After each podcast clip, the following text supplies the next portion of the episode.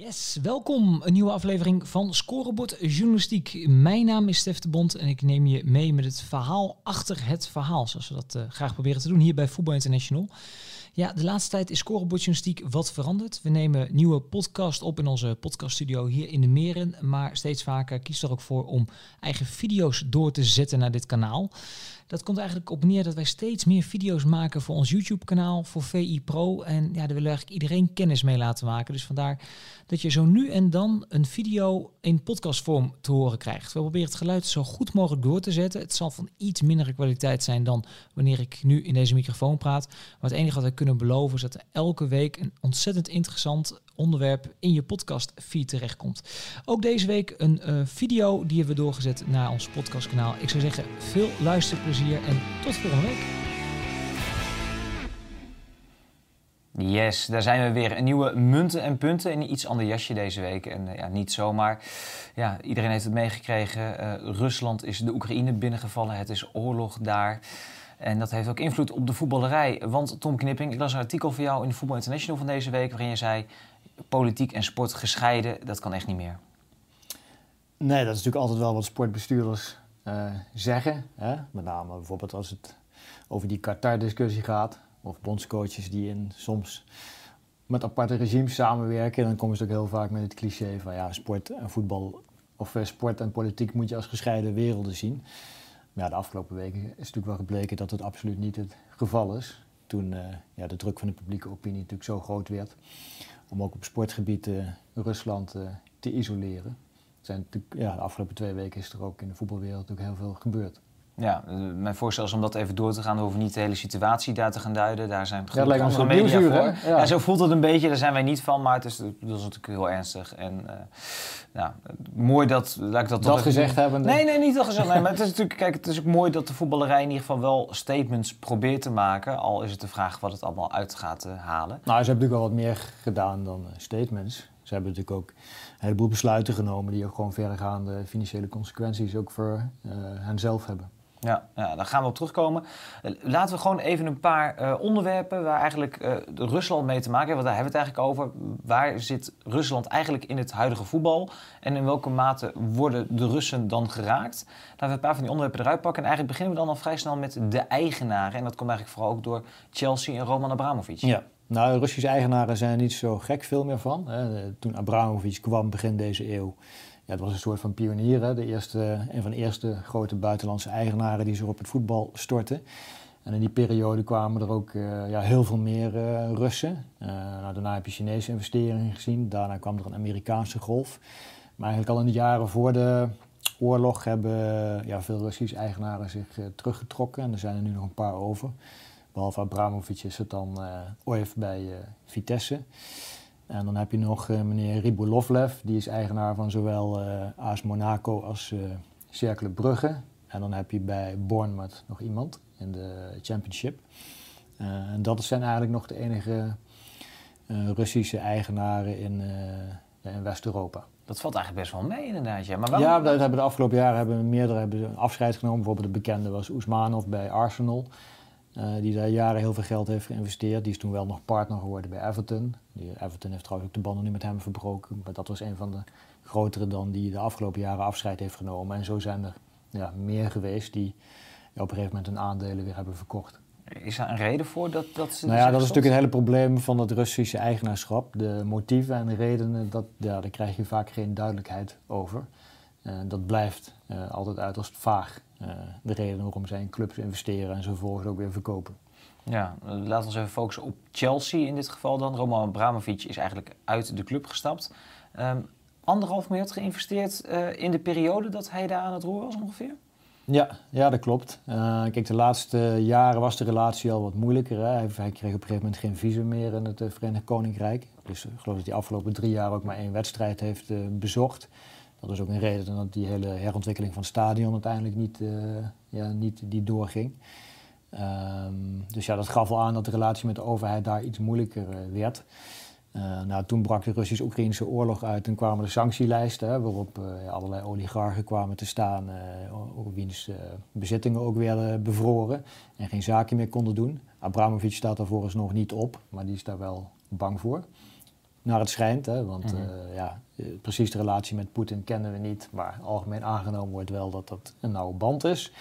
Ehm, ja, dat is voor hem natuurlijk een reden om zo snel mogelijk de bezittingen die hij dan heeft in West-Europa, eh, om die dan te verkopen. Ja. Dus niet alleen de villa, maar ook Chelsea. De voetbalclub in deze. Ja, want dat kan hij dan nog ja, snel te gelden maken, verzilveren. Ehm, hij heeft er anderhalf miljard in geïnvesteerd in de loop der jaren. Ehm, hij heeft er zelf ooit ruim 150 miljoen euro voor eh, betaald. Eh, dus 1,7, 1,8 miljard eh, is er uitgegeven in 19 jaar aan, Chelsea door hem. Ehm, nou, het probleem is een beetje die anderhalf miljard pond, dat is een, eigenlijk een lening aan eh, Chelsea. Nou, daarvan heeft hij dan gezegd, die hoef ik niet terug. Eh, maar vervolgens heeft hij wel een vraagprijs neergelegd van 3 miljard euro. dus ja, uiteindelijk wil hij zijn geld natuurlijk wel gewoon terug. En hij heeft dan dan gezegd, zelfs. nou, hij heeft gezegd, maar het is ook weer niet echt goed uitgelegd, van ja, de winst die ik uiteindelijk met Chelsea maakt, die gaat naar een fonds voor ehm, ja, slachtoffers van de oorlog. Ehm, maar ja, hoe hij die winst dan precies uitlegt, wat er dan precies allemaal vanaf moet, dat heeft hij dan nog niet bekendgemaakt. Maar ik neem aan dat hij die 1,7 of 1,8 miljard er in ieder geval terug wilt. En wat er dan boven uitrolt, dat gaat dan naar dat fonds. Maar het is natuurlijk maar de vraag of die prijs betaald gaat worden. Dat is toch bizar veel, 3 miljard? En bovendien, Eh, bovendien ja. weet, weet iedereen Ja, natuurlijk ook in welke situatie Exact. Chelsea naar Hij boven wil zit. natuurlijk nu heel snel eh, de aandelen verkopen. Ehm, ja, het is ook de vraag, ja, wie wil nu zaken doen met een eh oligarch op dit moment? Die staan natuurlijk die staan ook niet echt lekker op. Ehm, ja, en hoeveel een club waard is, dat is natuurlijk altijd maar eh, ja, een beetje wat de gek ervoor geeft. Hè? Ja. Ik geloof dat Newcastle United laatst een paar honderd miljoen eh, was. Nou, Abrahamovic heeft in ieder geval gezegd dat hij die lening dan niet terug hoeft. Dus je krijgt wel een club in handen ehm, die dan geen eh, grote schulden heeft. Maar die natuurlijk wel ver boven zijn stand leeft. Want ja, Chelsea heeft in de, in de loop der jaren dat hij dus zat bijna altijd grote ja, verliezen geleden. Omdat aan transfers en salaris eh, ja, ongeveer hetzelfde bedrag als bij Manchester City wordt uitgegeven. Ehm, maar ja, qua inkomsten zijn ze de nummer vier van Engeland. Dus er is gewoon elk jaar een behoorlijk begrotingstekort. Ehm, nou ja, iemand uit het Midden-Oosten die vindt dat misschien wel acceptabel. Maar als je bijvoorbeeld een Amerikaanse eigenaar zou krijgen als bij Manchester United, is het een heel ander verhaal. Ehm, dus ja, dat Chelsea behoorlijk terug gaat vallen hierdoor, die kans is natuurlijk wel behoorlijk groot. Zeker ook omdat het helemaal niet zeker is dat Abramovic het zo 1, 2, 3 kan verkopen. Nou, hij zal in ieder geval nu niet veel meer geld gaan, in gaan duwen als het niet lukt. Ehm, maar ja, dat betekent dat het een heel langdurige onzekere situatie ook kan ontstaan bij die club. Ja, maar eigenlijk dus wel gek. Hè? Jarenlang hebben ze dus eh, fantastisch kunnen leven. Prijzen gepakt ook onder Abramovic. Maar eigenlijk is het dus zo wankel, zo instabiel eigenlijk dus zo'n eigenaar. Ja, ja, dat heb je hier in Nederland natuurlijk ook gezien bij, bij Vitesse. Dat, dat, dat speelt weliswaar op kleinere schaal, maar natuurlijk ook gewoon precies hetzelfde. Daar worden ook bedragen uitgegeven die uit de reguliere omzet niet te, verantwoorden zijn. En er is altijd ook de vraag, ja, wat wil zo'n eigenaar dan eh, aan het einde van de rit terug? Hè? Zijn het giften geweest of eh, is, is het een lening? Eh, ja, en wie wil er dan vervolgens eh, instappen als die eh, het huishoudboekje ziet? Want ja, dat klopt bij Chelsea natuurlijk ook van geen kant. Er is geen club geweest in wie eh, ja, zoveel privaat, waar zoveel privaat geld in is gestopt als bij Chelsea in de loop der jaren. Nee, precies. Je maakt het bruggetje naar Vitesse al. Eh, als ik dat even mag doen. Eh, we hebben allebei in het verleden best wel wat geschreven over die club en ook over de overnameperikelen. Eh, de club kwam op een gegeven moment in de handen van Merab Jordania. Althans, dat werd naar ons toe gecommuniceerd. Later werd gezegd dat het misschien wel een stroomman was. Toen kwam Alexander Tjigirinski kwam binnen. Een man die de Wikipedia-Rus werd genoemd omdat hij nooit op de club was. En toen kwam Valerie Oijf binnen. Die is wat vaker op de club geweest. Dat is de huidige eigenaar van die club. Ehm, en die zit in het netwerk van eh, Roman Abramovic. Ja, nou, je hebt er zelf volgens mij ooit onderzoek ook naar gedaan hè, over die hele overname, ook aan de hand van allerlei e-mails. En toen bleek al hè, dat de club ehm, werd gekocht, Vitesse, door dezelfde mensen als die achter de schermen ook bij Chelsea betrokken waren. En Jordanië heeft later ook volgens mij nog rechtszaken gevoerd tegen Vitesse, waarin hij eigenlijk ook heeft gezegd dat Vitesse een soort van onderdeel was van, van Chelsea. Eh, nou, dat blijkt ook uit de, de andere voorzitters die daarna zijn gekomen, Sigirinski en Oif. Dat komt uit het netwerk van Abramovic. Eh, ja, daardoor zijn natuurlijk ook nog heel veel vragen over Vitesse, van ja, wat eh, de impact voor die club zal zijn van het vertrek van Abramovic. Ehm, hij is toch de spin in het web en het hele netwerk. Ja, en als die zich terugtrekt, ja, in hoeverre kan de rest van het netwerk dan, dan door? Ja. En ook de, ja, de vraag van, ik kan ook niet inschatten in hoeverre OIF bijvoorbeeld het risico loopt om op die sanctielijsten terecht te komen over zijn banden met, ja, met het Kremlin. Daar is ook niks over bekend. Dus er zijn heel veel vragen. Um, ja, die overigens niet beantwoord worden door die clubleiding, die uh, eigenlijk al twee weken aan het wegduiken is. Dat is natuurlijk wel echt bizar, hè? dat er geen enkel statement kan. Ik op een gegeven moment het enige statement hebben gelezen is: wij zijn voor vrede. Uh, ja. Maar inhoudelijk over ja. wat, hoe het met OIF zit en hoe het met de club verder moet, richting supporters, moet je op een gegeven moment ook wat duidelijkheid creëren. Ja. ja, het kan natuurlijk ook zo zijn dat de clubleiding zelf ook met heel veel vragen zitten. Dat zij ook eigenlijk niet kunnen inschatten met welk scenario zij rekening moeten houden. Ik weet ook niet hoeveel direct contact er is tussen bijvoorbeeld de clubleiding en, en zo'n eigenaar. Ja, het, het, is speculeren. Ik heb wel eens begrepen dat bij thuiswedstrijden voorafgaand aan het duel er een vergadering was. Maar wij weten ook wel met de mensen in Moskou, in Rusland, met wie dan ook. Maar wij weten natuurlijk ook wel dat er uh, algemeen directeuren zijn geweest die heel moeilijk contact konden krijgen met eerder. Uh, ja, maar het is niet zo dat, dat de, de eigenaar vaak in Arnhem is. Zelden tot nooit. Ja. Nee, daarom. Bestaat er nog een mogelijkheid dat wij het nu hebben over de eigenaar Valerie Oif, terwijl dat misschien alleen op papier de eigenaar is, dat dat ook gewoon helemaal niet de man is die zijn eigen geld erin stopt? Ja, ja, het zou allemaal kunnen, Stef. Maar dat is het juist het precieze probleem van elf jaar Vitesse. Uh, er is altijd heel weinig duidelijkheid gegeven over uh, ja, hoe die constructie nu precies zit. Uh, wat het motief is. Ehm, ja, de club is eigenlijk sinds 2010 drie keer van eigenaar gewisseld. Maar je hebt altijd toch wel de indruk gehad dat het binnen hetzelfde netwerkje bleef. Hè?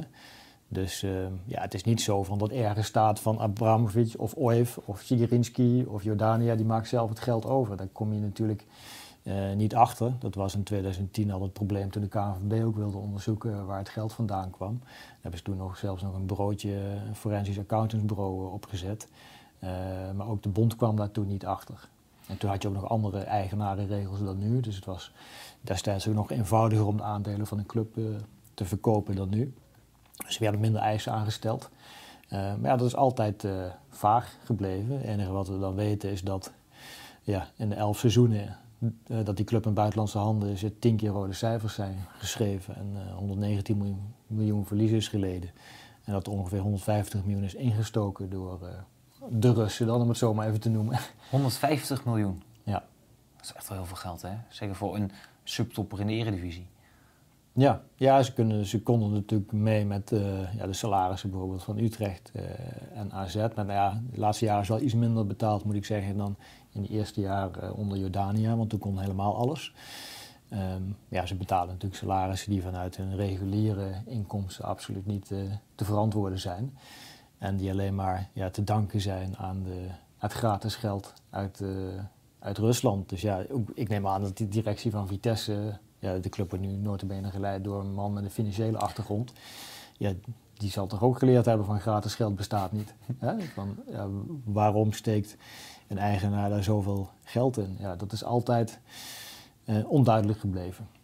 Ja, toch een vraag waar je toch... Al dat geld krijg je namelijk nooit uit. Dat is natuurlijk niemand die meer dan 150 miljoen voor Vitesse gaat betalen. Nee, maar dan even vooruitlopen op de zaken. De Vitesse is heel lang stil. Dat suggereert bijna dat ze wel een probleem gaan krijgen. Tenminste, dat is even mijn persoonlijke opvatting dan. Dat, dat ooit misschien wel zal gaan vertrekken.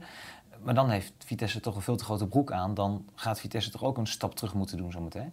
Ja, nou er zijn twee vragen. De eerste is dan van hoe zit dat precies met dat geld wat gekregen is? Hè? Want bijvoorbeeld als je nu bij Chelsea kijkt, dat is op papier dus eigenlijk een lening die Abramovic heeft verstrekt aan, aan, Chelsea in de loop der jaren. Die anderhalf miljard pond, waarvan hij dan nu zegt, nou dat hoef ik dan niet te hebben. Ja, hoe, hoe zit dat in Arnhem precies? Is dat, is dat gewoon bijgestort als een soort van gift? Of is dat dan ook een lening, net als bij Chelsea? Ja, en, en als het een lening is, moet ja, het dan terug? Ja, nou ja, dan is Vitesse natuurlijk meteen failliet, want dat kan Vitesse natuurlijk nooit betalen. Uh, het kan natuurlijk zo zijn dat OF zegt, uh, even, even uitgaan van het scenario dat ja. hij weg zou gaan. Hè?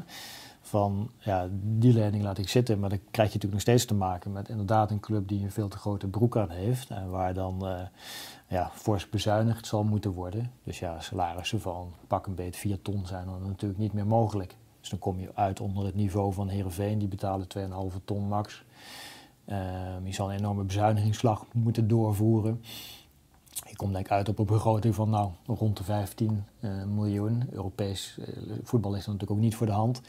En ze zitten met een peperduur stadion, het Gelredome, waar Vitesse ja, een soort van onderhuurder is, waar ze heel weinig rechten hebben en ook bijna geen geld aan kunnen verdienen. En waar ze wel bijna 2 miljoen huren per jaar voor betalen. Ehm, dus ja, dat wordt dan uh, naar alle waarschijnlijkheid een rechte rijtje club. Het klinkt er een beetje als Vitesse van voordat uh, eigenlijk Jordania binnenkwam. Hè? Die periode toen het heel verkeerd ging. En toen dus iemand de club maar gewoon kocht. Omdat het zo ja. Eh, penibel was allemaal. Ja. je krijgt dan eigenlijk een club die echt wegvalt uit de, uit de subtop. En daarmee wordt eigenlijk ook de, de top, subtop van Nederland nog smaller dan dat die nu al het geval is. Ja, nou, dat, nogmaals, het te speculeren voor hetzelfde geld. Ja, maar het is ook wel interessant om eens een keer na te denken. Ja, wat zou er eigenlijk gebeuren als, als, als OF zich, of als, als OF zich ooit terugtrekt bij, bij Vitesse? Ja. ja die dag kan sowieso een keer komen, ook als die nu zou kunnen blijven zitten. Want, uh, kijk, wat je van Chelsea in ieder geval nog kan zeggen, die hebben wel in de loop der jaren natuurlijk een enorme inkomstengroei uh, doorgemaakt hè, in die hele periode onder uh, Abramovic. Ehm, dus dat is allemaal viervoudig, vervijfvoudig. Niet dus alleen de salarissen, maar ook de inkomsten. Ja, Vitesse is er altijd een soort van stil blijven staan. Er zijn niet echt enorm grote sponsoren bijgekomen. Um, nou, ze hebben incidenteel goede transfers gehad, maar dat is ook niet structureel, zoals bijvoorbeeld bij Heerenveen of AZ, uh, dat soort clubs wel lukt. Um, dus ja, die club heeft zich eigenlijk heel uh, matig ontwikkeld. De noodzaak was er niet. Want er was geld. Het geld kwam toch wel binnen. Ja, maar dat was bij Chelsea natuurlijk ook zo, hè? Ja, nee, oké, maar dat is natuurlijk een grotere club en die heeft ook de, de, rechten in het buitenland, in Azië en alles wat daar natuurlijk aan merchandise... Nee, natuurlijk is het een grotere club, maar ja, die hebben zich natuurlijk wel uh, ontwikkeld, meer ontwikkeld dan uh, ook als je het relatief ziet, ja. bij, bij Vitesse het geval is geweest. Bij Chelsea heeft het natuurlijk ook gewoon heel, heel veel prijzen opgeleverd. Maar in het begin hadden bij Vitesse ook een klein beetje het idee dat het een dependance was. Want er werden al die talenten van Chelsea die ze hadden gekocht, werden daar verhuurd. Ja. Dus, en ja, maar dat, is een, dat was natuurlijk wel vooral in het begin. Hè? Ja, maar Jordanië heeft wel eens gezegd van Vitesse mag geen kampioen worden. Ze mogen niet de Champions League gaan. Dat in eerste instantie Vitesse vooral gebruikt werd zeg maar, om jonge talenten te stallen en daar op te leiden. Dus dan is het belang niet zozeer van met Vitesse kampioen worden of Europees voetbal spelen, maar ontwikkelclub. Maar, ja. maar goed, bij Jordania zat er natuurlijk ook wel een hoop rancune bij op een gegeven moment. Omdat uh, ja, hij aan de kant was gezet Zeker. door, uh, door Abramovic. Zeker weten. Dat is de situatie met sowieso interessant. Ook stel dat Oiv nu gewoon aan kan blijven. Laten we het voor de Vitesse supporters op korte termijn in ieder geval maar hopen. Dat ja, anders wordt het een uiterst onzekere situatie. Precies. En het is op de lange termijn wel interessant om na te denken van er komt ooit een keer een dag dat, dat Ooif daar weggaat. En dan wijst iedereen meteen naar Utrecht, Frans van Zeumeren. Die heeft inmiddels twee, drie andere groot aandeelhouders eromheen ja, verzameld. Nou, dat, is, dat is bij Utrecht heel goed geregeld. Want dat is inderdaad natuurlijk altijd de grote vraag. Wat gebeurt er als een eigenaar uh, of geldschieter uh, terugstapt? Ja, en Dan, dan gaat het heel hard terug. Ja. Als je al niet failliet als je, gaat. Als je echt afhankelijk maakt van één persoon.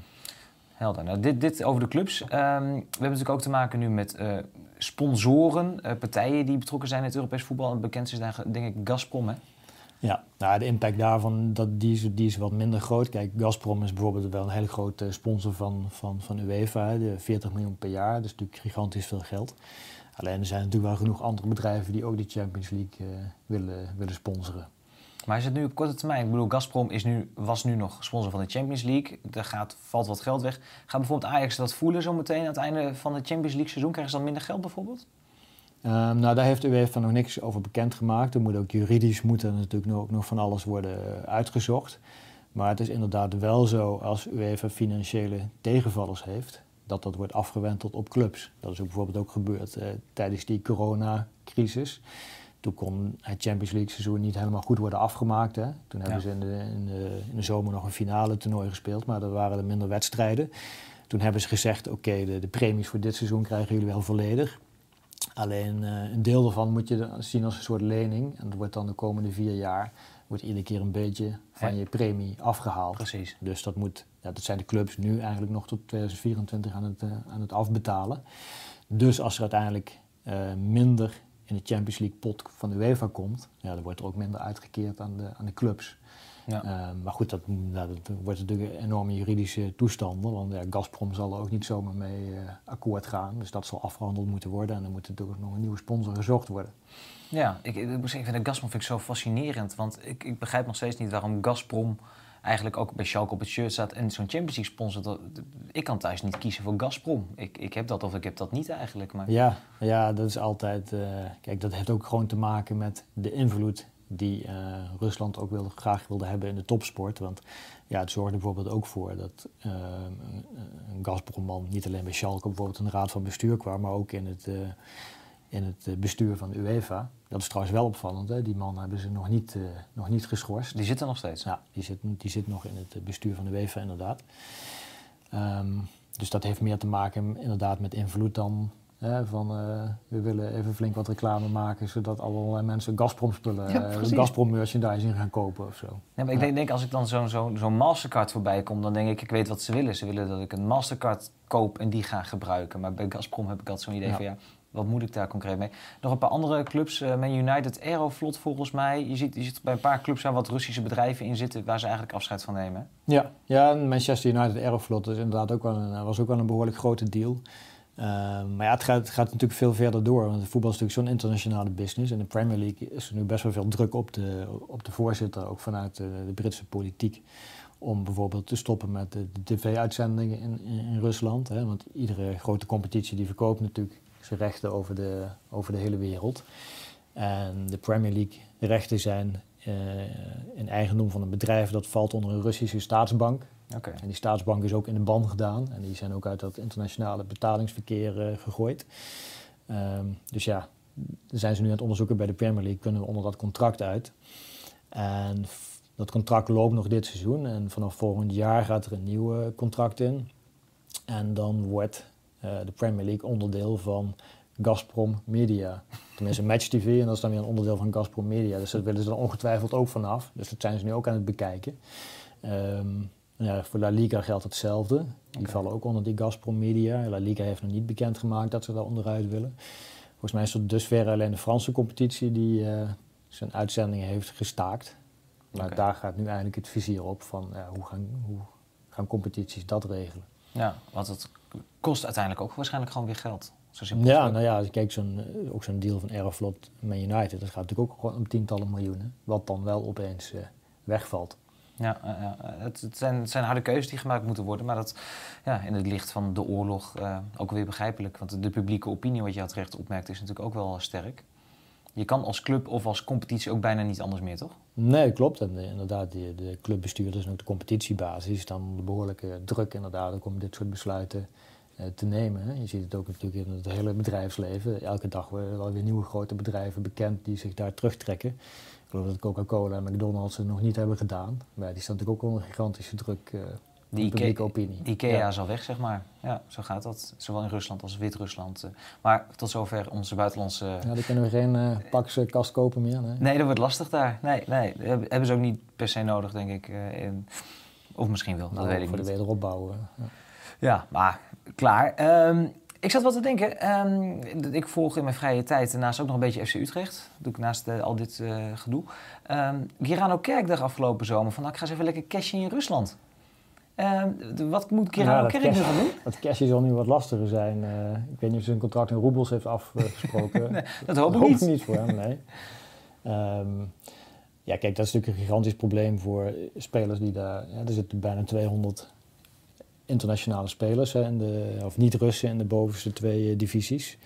Uh, en daar was niks voor geregeld. Dus de FIFPro, de Internationale Spelersvakbond, die heeft uh, vorige week al een paar keer bij de FIFA op aangedrongen om heel snel een transferwindow open te stellen. En die vonden eigenlijk dat al die spelers transfervrij uh, weg moesten kunnen.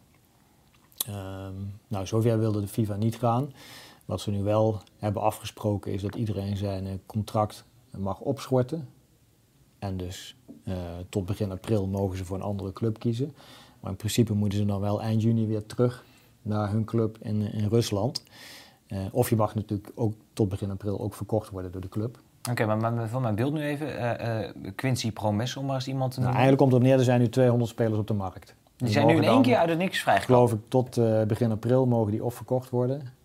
of je mag ja, dan zonder overleg weg, maar op voorwaarde dat je dan in, in juni weer terugkomt. Ja, dus je zou er nu dus zeg maar, dan hoeft een dwarsstraat, uh, Utrecht zou Girano Kerk weer even terug willen halen. Ja, dat kan. Hoeft, hoeft Utrecht niet, in, niet te praten met de club. Dan kunnen ze gewoon eigenlijk uh, Girano Kerk tot april in Utrecht laten spelen. Nou ja, als, als, inderdaad als de club in Utrecht daar niet uitkomen of Kerk komt er met die club niet uit, dan heeft hij wel het recht inderdaad om uh, ja, zo'n contract op te schorten en te vertrekken uit Rusland Voor zover hij nog een vliegtuigticket kan krijgen. Ja.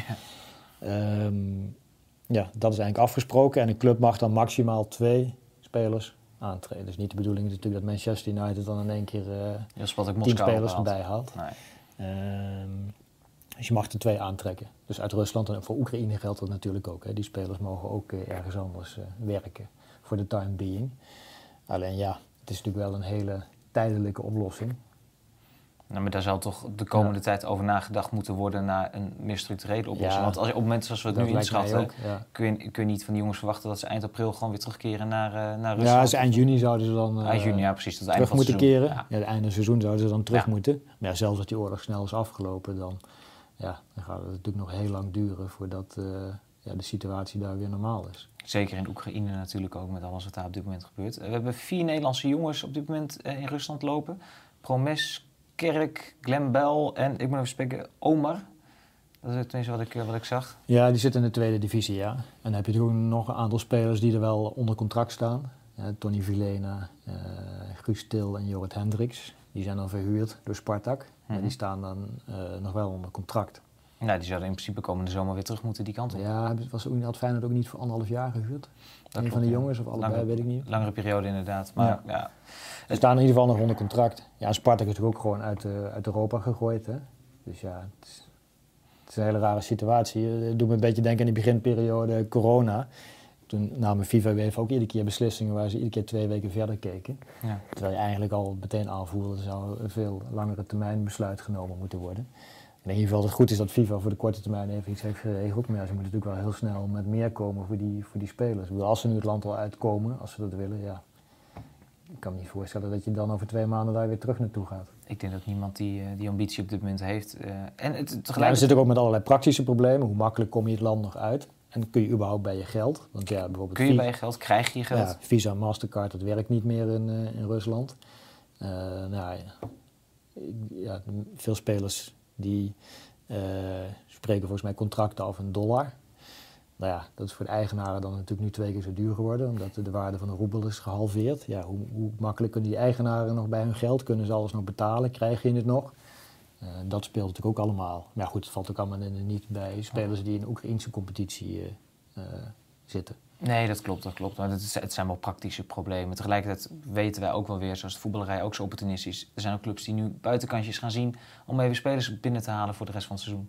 Ja, uiteraard. En vooral, eh, ja, je weet precies hoe dat gaat. Clubs die nog denken eh, kans te maken op een prijs of Europees voetbal... of die een degradatie willen ontlopen... die zullen inderdaad vast wel even kijken wat er, eh, wat er nu te halen is. Ja, ongelooflijk. Ja, zo, zo werkt de voetballerij. Jij noemde het al, eh, eigenlijk de UEFA. Je hebt het al over eh, Spartak, wat uit de Europa League is ge- gezet. Eh, maar het gaat natuurlijk nog veel verder, want eh, we gaan richting het einde van het seizoen. We gaan dus weer de Europese tickets verdelen. En die voorronde Champions League, voorronde Europa League, ja, dat begint al praktisch weer. Maar ja, die competitie in Oekraïne en waarschijnlijk dus ook de competitie in Rusland, Wit-Rusland. Ja, ik heb net even gekeken naar de voorrondes voor eh, het volgende seizoen. Die beginnen al op 7 juli. Ja, En ja, Oekraïne en Rusland hebben samen 10 tickets. één vaste voor de Champions League. En eh, negen voorrondeplaatsen, dus voor Champions League, Europa League en Conference League. Ehm, ja, UEFA heeft natuurlijk nog niks over bekendgemaakt. is ook nog een beetje ongepast nu. Mhm. Maar ze zullen er toch over na moeten denken. Van ja, hoe, hoe gaan we dat oplossen? Dit gaat eh, waarschijnlijk langer duren. Ja. En ehm, nou, de Russische clubs zijn geschorst. Eh Oekraïnse clubs kunnen niet spelen. nee. Dus ja, wat gaan we dan met die tickets doen? Ja, dat, ja, dat is hardop. Dat is een van de nadenken. vele praktische problemen waar het voetbal nu tegenaan loopt. Maar Ja, want het verlengde daarvan heb je natuurlijk ook gewoon te maken met de FIFA, met WK-kwalificatiewedstrijden. De Leeuwinnen nou, spelen dat is natuurlijk het eerste wat gaat spelen. Voor eind maart staan die WK-kwalificatiewedstrijden op het programma. Nou, Rusland is dus geschorst door de FIFA voor alle internationale wedstrijden. Dat betekent dat, dat zij ook dan definitief niet naar het WK gaan? Nou, Rusland gaat eh, dat aanvechten bij het sporttribunaal CAS. Dus het is eerst wachten dan of die schorsing eh, overeind blijft. En verder is nog totaal onduidelijk wat ze dan, hoe ze die wedstrijden precies gaan indelen. Want eh, wie zou tegen Rusland spelen? Polen geloof ik. Polen, ja. Ja, die kregen dan een bye. En dan waren die andere, zijn die andere landen het dan weer niet eh, mee eens. Want dan zou Polen opeens al in de finale zitten. Ja. Ehm, ja, Rusland wil het natuurlijk uitstellen. Ja.